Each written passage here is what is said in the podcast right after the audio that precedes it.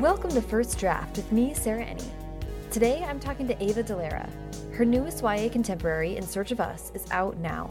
Ava also wrote Love Letters to the Dead. We've sat down for a podcast interview before, so if you'd like to hear more about Ava's early life and how she got into writing, please check out her previous episode.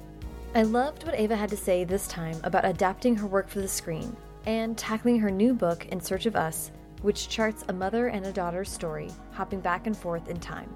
So sit back, relax, and enjoy the conversation. Ava Dellaira, it's so nice to see you again and to be able to catch back up. For the listeners, we've spoken before, so everyone that wants to know about your a little bit more about your history and your bio should check out the first time that we chatted. But um, I want to start this conversation with adapting Love Letters to the Dead, your first YA novel, because you were able to adapt that to a screenplay so that we can talk about that more in specific, do you mind giving me the pitch for Love Letters, please? Yes, Love Letters to the Dead is my first book, and it begins with Laurel, who's starting high school just after the death of her older sister May, when she gets an assignment in her English class to write a letter to a dead person. And she chooses Kurt Cobain because May loved him and he died young like she did. Only when it comes time to turn in the assignment, Laurel doesn't. Instead, she keeps writing to Kurt and to others like Amy Winehouse, Judy Garland, Janis Joplin, River Phoenix. And in the letters, Laurel talks about trying to make new friends, about falling in love for the first time, mm-hmm. about her family that's falling apart, and about trying to grieve for her sister May. And it's eventually through the letters that Laurel's able to come to terms with the secret she's been holding on to around May's death as she finds her own voice and sense of self. A lovely, lovely, beautiful novel. Mm-hmm. It's an epistolary novel, so it's told in her letters, mm-hmm. obviously. Mm-hmm. First, if you don't mind, just let's go back over how it came to be that you were able to adapt the screenplay, because not everyone gets sort of the chance to do that. Yeah, well, I'd had a background working in film somewhat. I worked for the author Stephen Chbosky for a number of years, and I just started working with him about a year before we went into production on The Perks of Being a Wallflower, which was his novel, which he adapted and then also directed. So I got the experience of sort of seeing that process and yeah. being on set and being in the editing room. And I also did a lot of reading for him um, in terms of other screenplays mm. and stuff like that. So I'd had some background in film and when I originally moved out to LA, actually I'd come here because I wanted to be a screenwriter. So mm-hmm. it was something that I'd always wanted to do. So after Love Letters was released, we got my agent got a call from Fox 2000 and they wanted to option the book and I said, yeah, as long as I can write the script, which I was surprised at how actually easy that was, agreeable they were oh, to nice. that. Well, especially when you sort of have the resume of. Yeah, I think not... that my agents were probably able to convince them that I yeah. had, you know, enough experience that I knew what I was doing. they probably figured if I didn't, then they just sort of find someone else later. Right.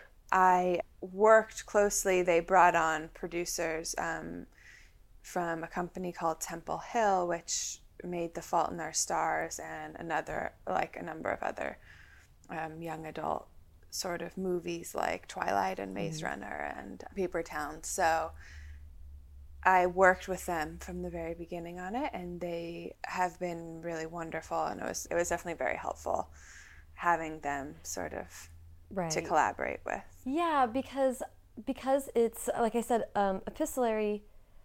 So it's like the most internal story that's like possible to tell and then you're translating it to screen how did you think about how to make that story work one thing that w- that I did was that I had the privilege of doing because it was my book, so I knew it so well, was mm. I never actually looked back at the book. I didn't sort of reread it and say, how am I going to make this a movie? I sort of just took the story from my head and like tried to put it into screenplay form. That's cool. Which I think was helpful um, yeah. because it was less about like trying to put one shape into a different shape that doesn't fit and more totally. about like how to fill this shape that exists of the screenplay. I think that makes a lot of sense because even when you are when you're writing a book, you see it take so many different shapes. Like you've seen it for, from first draft to final draft is always a, a huge mm-hmm. change. Yeah. So the story is always a little bit malleable in your own mind, and right. that would be really challenging. Just as someone given a book and said and like told to adapt it, then yeah, you are a little bit like this is the final thing, and now I have to make something different. But for you, it was I think it's really smart to not go back to the book. I was very aware of you know, trying not to be too precious since I was the novelist. Right. I didn't want to have, you know, have the handicap of, well, it has to be this way because that's how the book is, kind right. of thing. That said, the very first draft I wrote definitely had too much voiceover. And that was where actually it was at the very beginning that I think Temple Hill was probably the most helpful, but they were able to, you know, read that first draft mm-hmm. and say, you know, this is beautiful. It's a great, like, very indie movie, but this is probably not. We can't do this for this company. And they gave me some good notes. Mm-hmm. Um, you know, they at least had the appearance of like having total faith in me. Mm-hmm. So that was really useful. So by the time I got an actual first draft that we turned into Fox, I understood what they had said, and I think that was like a lot closer to yeah a makeable a makeable film. well, that's oh, that's so that's really funny. I was thinking about obviously you were so close to the experience of making Perks of a Wallflower into a movie, and it's to me like such a successful adaptation because yeah. it maintained the feeling of the book so accurately. Like, of course, the plot is the same and characters and things like that, but it really was just so successful at evoking that sense. The feeling, that's a good way to put it. Yeah. yeah. So I was wondering what you really wanted to keep. You know, you're talking about not being precious, but when you're adapting your work, what was it that you really wanted to maintain? Was it theme or feeling or perspective or what did you The feeling is the a perfect way to put it. That is the thing, I mm-hmm. think, is that you like you want the texture of the movie to feel like the texture of the book. Mm-hmm.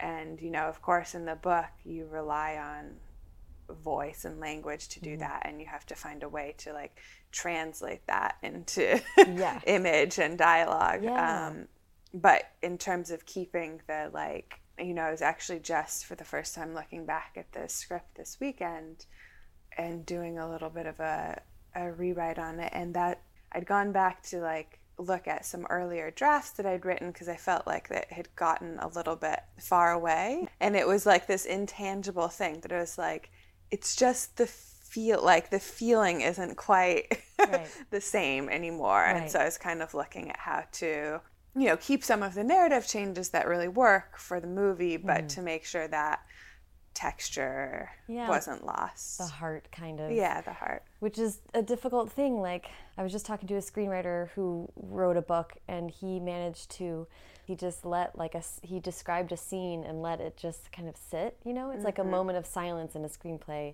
and lingering on one image or letting music speak for it does that and it's really hard to find the equivalent in a book. And then going the other way i mean it's just hard to translate those kinds of odd ways of storytelling. It's true it is. There's a lot of visual sort of like magic that you can do in movies though that mm-hmm. i've that translation process is really fun, I think. yeah, that's cool. And yeah. then you do get to use music, which is so important to you in your stories. Yeah. What's cool in a book is you can reference a song and it's not like you don't have to pay for it. Right.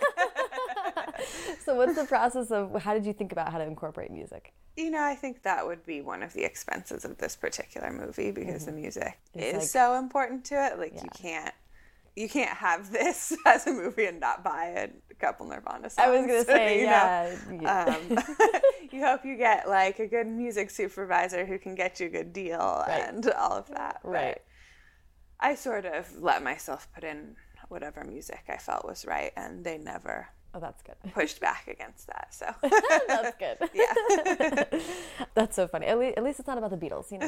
right, it's true. that would probably be impossible. well, thank you for talking about that because I think that's so cool. And if I'm right on your timeline, you were writing In Search of Us at the same time, or was it? Was sort it... of. There was a little bit of overlap, but okay. it was sort of around when I was finishing with the bulk of the work on love letters. So, actually, let's do, if you don't mind, just a little bit of a timeline about that. Wrapping up love letters, the book, doing the screenplay in, was in search of us already something you were like scribbling on in the background how did that all play out I'm so bad at time. It's one of my, my weaknesses. I'm like, what year was that? Like, when was that? I started writing In Search of Us in earnest when I moved in with my then boyfriend, mm-hmm, mm-hmm. um, who's now my husband. But that was not so long ago. I think it was actually spring of 2015. Okay. I was moving in with my boyfriend for the first time.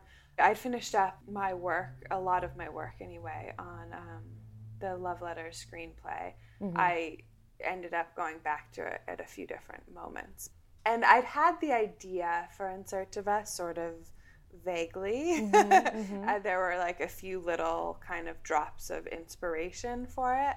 So I had done some, you know, a little bit of writing on it. Mm-hmm. But it was really at that kind of moment where I was moving out of my tiny little yeah mini shoebox apartment by the beach and that's right you had the sort of romantic yeah, little beachside tiny place. little beachside place that was my first kind of like place by myself and i'd lived there for maybe like four and a half years and I was moving in with Doug for the first time, and it was a big transition. I was afraid at first, like I wouldn't be able to write anymore or something. Yeah. Um, right. Well, when place is so important to you, and when that's and like a... space, yeah, too. Yeah.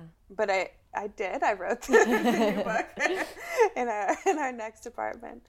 But it was like that kind of. I think was part of like the emotional background for me of mm. the book was, you know, I was already very much in love with him, but it was like we were for the first time, you know, we got engaged and, you know, we're getting married and we're talking about having a kid mm-hmm. and that's a lot.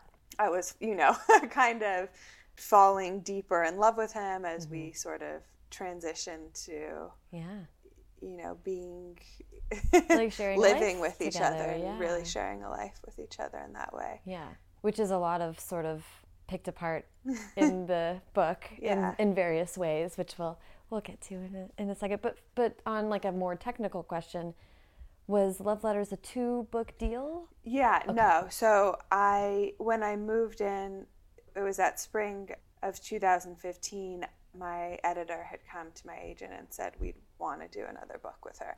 Love Letters was just a one book deal. And I guess they sold enough copies that they wanted to do another one. That's great. Um, so and the film and I needed some too. work. Yeah, um, I needed to make some money actually. So I started working on a proposal mm-hmm. and I actually was still doing some work now. I remember on the screenplay mm-hmm. also. Mm-hmm. So I wrote a proposal that summer, and I think my agent sold the proposal in the fall. Okay. And then I had a little bit more work on the screenplay to do. Mm-hmm. And then I kind of started, I think I started really writing. I mean, I'd had then some things in place because I'd done the proposal, written a couple chapters. Right. But I think I started really like working on it in earnest that winter. Mm-hmm. Cool. Yeah.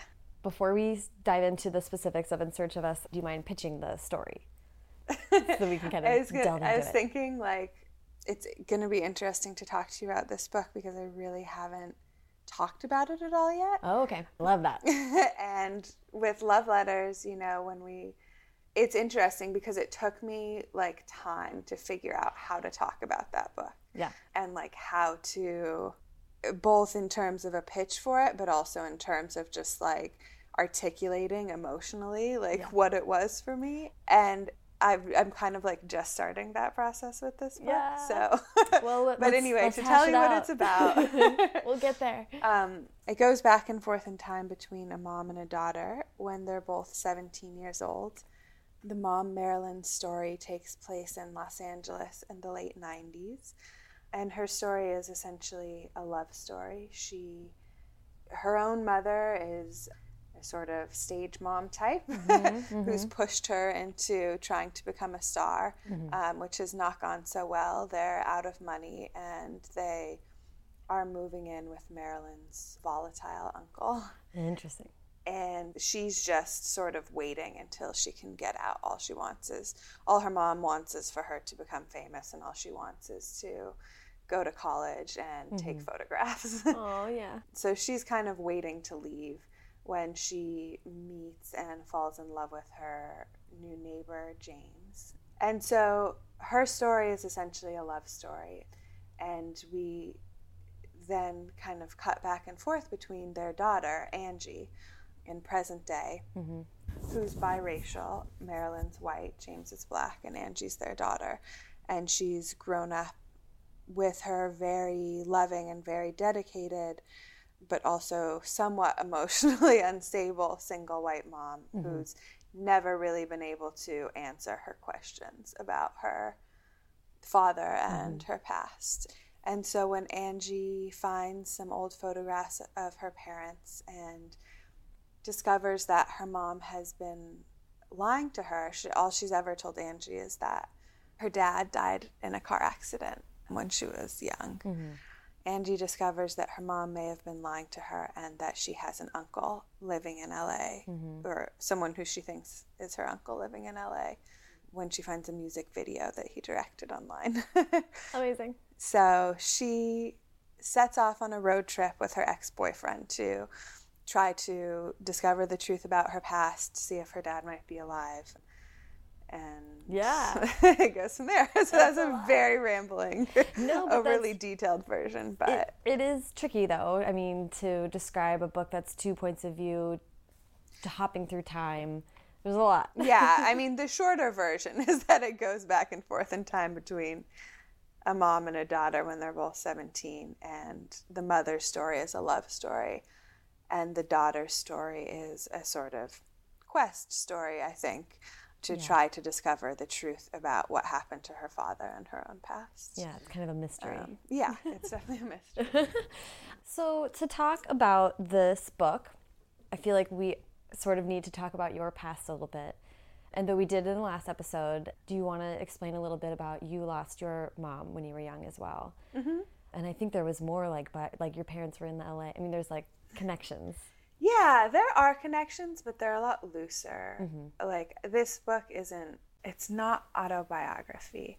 And this was actually interesting for me to write because emotionally, like there are definitely it felt equally as close as love letters did, mm-hmm. but the the character biographies are very different than mm-hmm. my own. Like the sort of the ways in which in love letters I used my best friend mm-hmm, as like mm-hmm. a character in the you know yeah. inspiration at least for a character in the book and mm-hmm. it looked closer to what my own life looked like mm-hmm. on the outside and there are definitely some deep emotional connections that I have with this book but less sort of autobiographical detail yeah but yeah you know one thing that I think was sort of inspiration for me, like texturally for the book, was that I I lost my mother when I graduated college, like that you know that summer. I was 22, I think.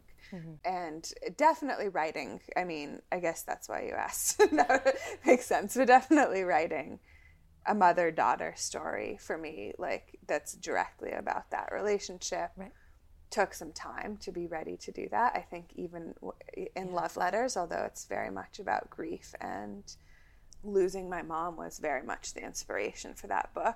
The actual mother character in the story is like right. gone. right. Um, so it, I, I did kind of for the first time feel ready to write about a mother daughter relationship. But interestingly, I felt a little bit in between, like it was somewhere in between my relationship to my mom as her daughter and then mm thinking about like imagining kind of being a mother mm-hmm. myself mm-hmm. so i sort of like could inhabit both of the characters perspectives in that way but anyway after my mom died i you know i just graduated college i didn't know what i was going to do with my life anyway and then i lost my mom in this sudden way and I was sort of reeling from that, yeah. the trauma of that. And I moved to LA, which is actually where I was born, but we'd left when I was like three years old. Mm-hmm. So I really didn't have any memories of the place, but mm-hmm. I did have like like old photographs and stories and I knew what street my parents' first apartment was on. Yeah, so there so cool. was this sense that first that year of being here of like being close to my mother in this way that was like totally in like sort of dreamy and yeah. like I was like searching for my parents' kind of invisible past, and it infused the city with this kind of like almost magical quality to me. Mm-hmm. Like knowing that, you know, I was standing on the same beach that she used to take me to as a baby or that she used to go to, or knowing that I was eating in the same restaurant where my parents would go together early in their romance. Mm-hmm. And my memory of that time definitely served as inspiration for when Angie gets to LA for the first time mm-hmm. and is literally physically searching for her uncle, but also sort of searching for her parents' past and the truth about who she is and where she comes from. Yeah. Well, I love that description of the city and how you would feel walking around in it like that because I think Los Angeles is a city that's very ready for you to project your nostalgia on it, like whatever that might be. Yeah. Um, but there was someone on on Goodreads that wrote. I should have written down the, the name of the person who wrote this, but they, she said Angie's story was basically boiled down to if we don't know our pasts and our parents' pasts, can we ever really know ourselves? And it seemed like really apt to think about that's in the story for sure, but also it seems like that was your sort of personal journey to gain a different kind of connection to your mom and enact her memory in your real life in this other way. Yeah, somewhat. I think for Angie, it has a slightly different meaning, but I very, very much believe in the kind of the past is never really past concept. Right, right, right. right. Um, both on a larger scale in terms of like thinking about our country and where we are at mm-hmm. this moment in time and personal histories and i think there's even overlap there yeah. Um, but i think that you know it is so important to understand yeah. um, the past in order to understand your present and that i guess that is one of the themes of the of the book is kind of coming to terms with with that yeah, and but you're right, it is really different because Angie feels sort of this like betrayal, or she's very obviously at odds with what her mom chooses to tell her and that what secrets her mom chooses to keep. And it, I mean, you know, in my head, I'm trying to think like this is also a story about both of them finding identity by striking out on their own in these ways. Mm-hmm. Of course, it's YA, so of course it's about identity. But like, um, but it seems very like. I guess it all is. but how you how you, I think um, it's interesting to look at the moment of how you as a young woman express or inhabit your identity, either by measuring to or against your mom, because that's a yeah, that's thing. a good that's um, an interesting way to put it. But yeah, that is very much part of part of coming of age for everyone, I think. Yeah. I mean, for me as a kid, I identified with my mom like so completely. Mm-hmm. That's interesting. I was like very close to her that almost in a way similar for Angie, the things that were difficult or painful, like I didn't want to like cause her pain mm-hmm. ever. Mm-hmm. Interesting. um, so I think that I ended up dealing emotionally with certain things like yeah on my own um, because of that. But I did feel very like identified with her and very close to her. And I think I hadn't really like completed the process of like separating when right. at the moment that I lost her. So that was you know, um, it became a more complicated thing afterwards. Right. On top of just grief anyone would feel like that particular moment is a really challenging one in every life uh, and that compounds it exponentially. Yeah. Sorry. Okay. Oh we talked about this last time that we have similar i never thought about it just that way sorry i'm like take your time um, don't be sorry i never i never thought about it just that way but i super identified with my dad. Yeah. And it was very, that was what made it harder. It yeah. was like, oh no, I wasn't done yeah. figuring, figuring out how we were the same and how we were different yet. Yeah. And then when you're, when they're gone, then it sort of complicates it because you want you don't want to remember any of the bad parts. But part of separating is identifying the bad parts. Exactly. so then it's like I don't want to. There's this idealization that happens with grief. I think that makes it very difficult to yeah. like to be objective. yeah. grow in some really important ways. Yeah bringing that right to therapy. awesome.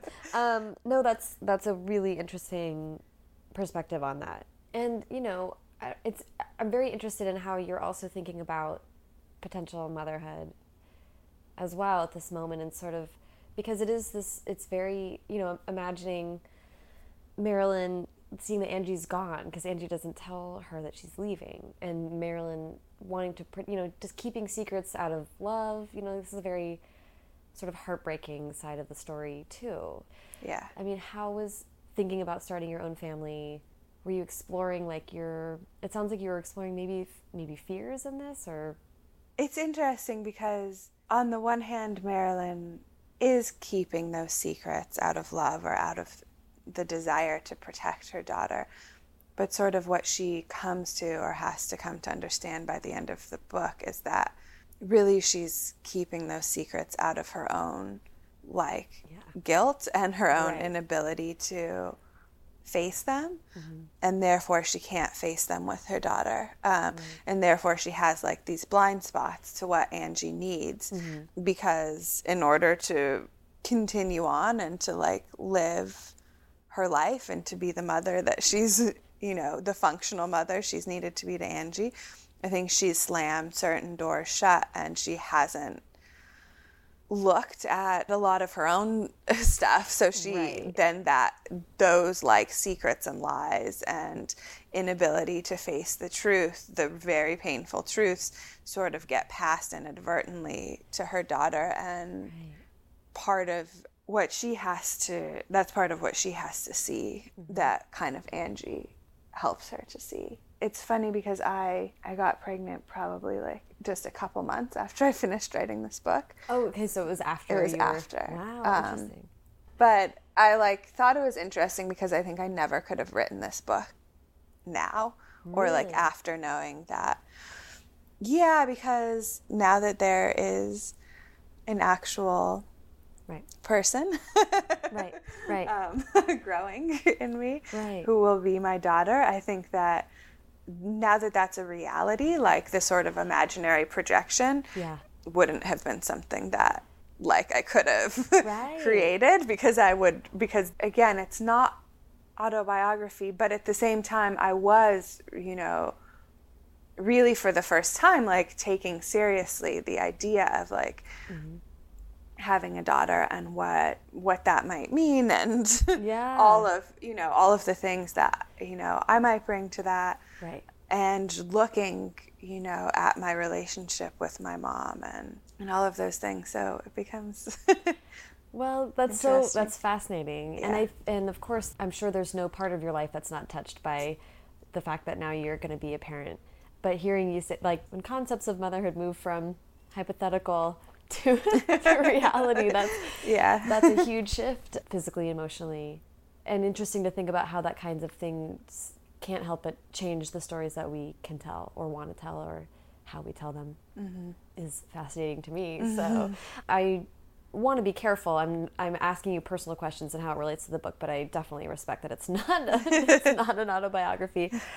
I'm just so interested in how you know themes are recurring in people's work, and it's, yeah, that's always fascinating to me. It's funny because to me this book feels so different than love letters. Like yeah, but I think maybe for other people it feels like, oh, you you like you have the same style or you have the same themes, and I'm like, what? It's completely different. Isn't that funny? yeah, and then funny. people can see from the outside the like links in your brain that you can't.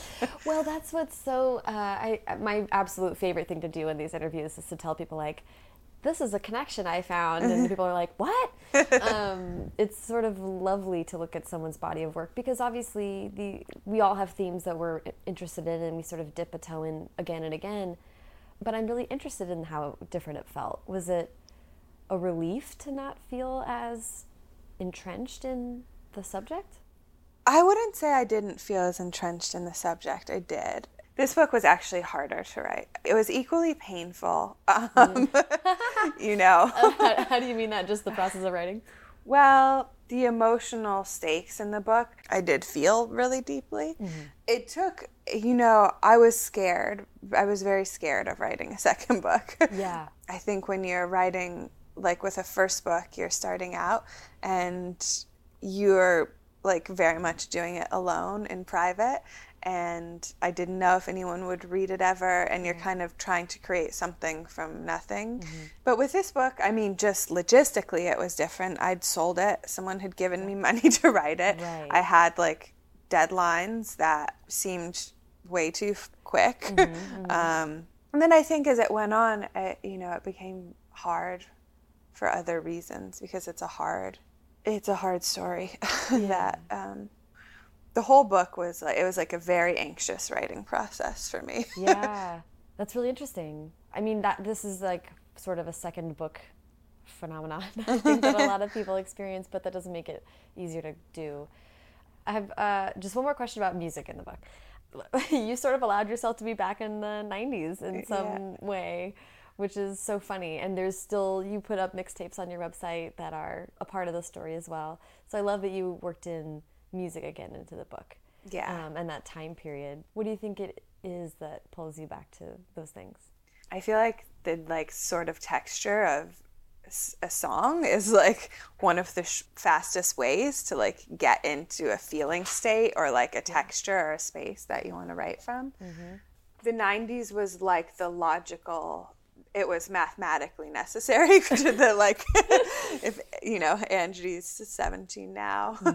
But um it also worked out well for me because of course I was a teenager during that time and you know a lot of the music is music that I have you know some nostalgia Personal for connection, to. yeah. It was. I was just like, this is such a happy coincidence. Yeah. Ava, Ava gets to be back in her sweet spot with this a little bit, and and it's cool because you weren't in LA in the '90s, but there's something very. I know I wasn't I was like don't know if I Uh, there's something very like in the '90s. I think we think of Seattle, but I can so easily imagine uh, Los Angeles in the '90s. yeah Okay, so well, let's transition to talking about future work. Do you think of yourself as a novelist or as a screenwriter? Or how do you think of yourself Mm, probably more just like as a writer, I guess. overall? yeah. I mean, if I had to pick one, I would identify with being a novelist, I think. But luckily, they're not mutually exclusive. And I think for me, it's helpful, it's useful to be able to go back and forth between the two forms of writing. Like, I think they make me, one makes me better at the other, sort of thing. Yeah. I learn a lot from like being in each genre and it's also nice I mean books are such like long exhaustive journeys that it's it's nice to be able to like go into writing in another form before Yeah. you know it's nice to be able to mix it up and you know on the flip side you love screenwriting but you also have like so much less control Mm-hmm. over what happens. There's so many more people that have to be involved in order to for it to see the the light of day. Yeah.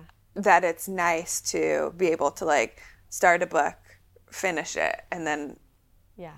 have people read it. Yeah, well, that's, that's so interesting because, yeah, you're saying that that was your that's your feeling about in search of us that like you feel like no one's read it. Or that's not exactly true but but i was talking to someone the other day who also writes for tv and movies and she was like you know there's so few it's there's so few voices in a book. It really is like one vision. Yeah. Uh, which is lovely. And then also having a whole bunch of people come together to create one larger vision is also lovely. So it's neat to be able to bounce between the two or to Yeah. engage with both. Yeah.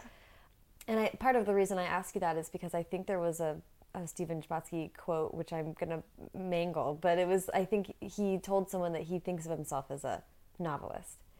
Though I think at this point we sort of know him as like a director too and all the other things that he does.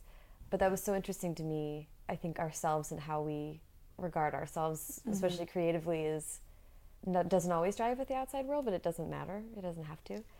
I guess you know, like if I could only do one for the rest of my life, I would choose novels. So I guess that's how you know. That's a pretty good indicator. Yeah. Um. so what what other writing are you doing, and what what's um like coming up for you? oh, I know, like the worst question, but um, I am starting on a new book, but not ready to talk about yeah, it yet. yeah, that's exciting. Yeah. Well, so on your own, or are you like doing proposal or how are you thinking about it? No, I think it's going to be an adult book actually. Oh, cool. And if possible, if I can make it work, I think I would prefer to just write it on my own and then yeah.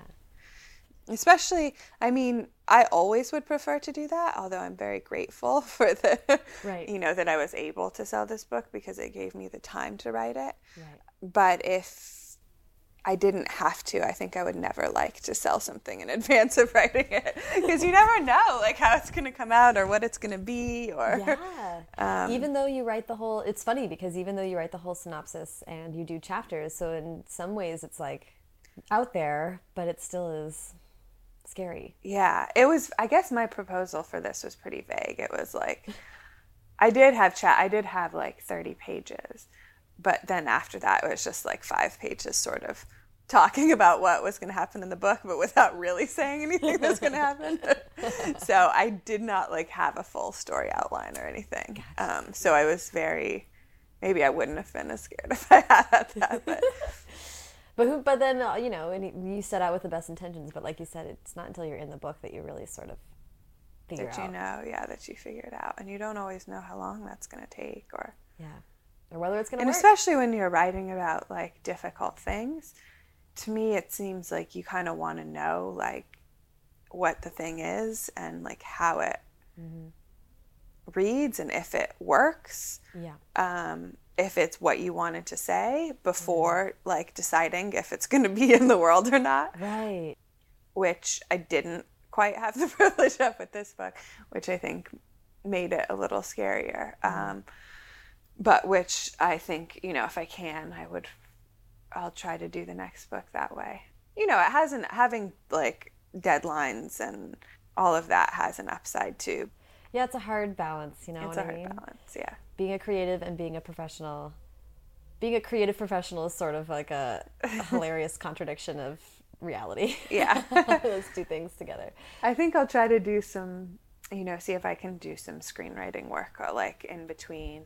Yeah. Um, I think my agents are going to send this book out, and we're actually, you know, I don't know if it will sell right away or if I'll need to sort of do something on spec first, but I want to try to do this as a TV show. Um, Ooh, that would be cool. Yeah. Like a series. Yeah. Or, I mean, because I envision like a Netflix kind of thing or something would be like so lovely. Yeah. You know, the way um, this Is Us goes back and forth in time mm-hmm. in each mm-hmm. thing. Mm-hmm. I mean, I kind of imagine this is a more cable version. Yeah. I mean, the tone of the show would not be the same, right. but I love the way you get like the past and the present and um, in that show. And I would love to try to do something like that with this. And as opposed to love letters, which felt like very much a closed story, like it was mm-hmm. done when it was done and there was nothing else like right. i didn't want to continue mm-hmm. on with it this feels like much more open to me because really yeah i mean it very much has a beginning middle and end but i think the like themes and issues raised in the book can be explored more deeply and because it's so much about the ways in which the past influenced the present you can like keep going. I'm like, I would love to like spend a season in like Rose's past, like James' grandmother when she was a teenager, or like, Whoa. you know, like I feel like there's all of these, you know, and I think that there's a lot more about, you know, adult Justin that we could know, and a lot more about adult Marilyn that we could know. Mm-hmm. Um, mm-hmm. So that there's like, it feels like there's room in it to yeah. me to sort of spend more time there. That's um, so fascinating to me because I don't ever feel that way about books. Like it's so it's such a I'm always in awe of people who write TV or can conceive of stories like that where they're interested in the endless possibility of a character, and that makes me feel like breaking out in highs. um, but I hope to develop that ability to think that way um, because it's so interesting. And yeah, there's so many possibilities to it. But yeah, I'm like, when I stop writing my books, the characters just end. That's how I felt with Laurel. Um, yeah. And I feel a little bit like that, less like that with this. That's cool. um, I love that. Well, I've like could talk to you forever, but but we have to wrap up. Um, you gave amazing advice last time, but I'd love to hear if there's anything. This was such a different experience. I'm just curious if there's anything you've learned in the last year and a half or two years that has become sort of a newer thing that you would say as advice. Hmm. I mean, I guess what I was sort of talking about about overcoming my own fears or like stuckness feeling. Mm-hmm. Um, in starting this book that for me anyway like i think that the way to like the way to get past like blocks or mm.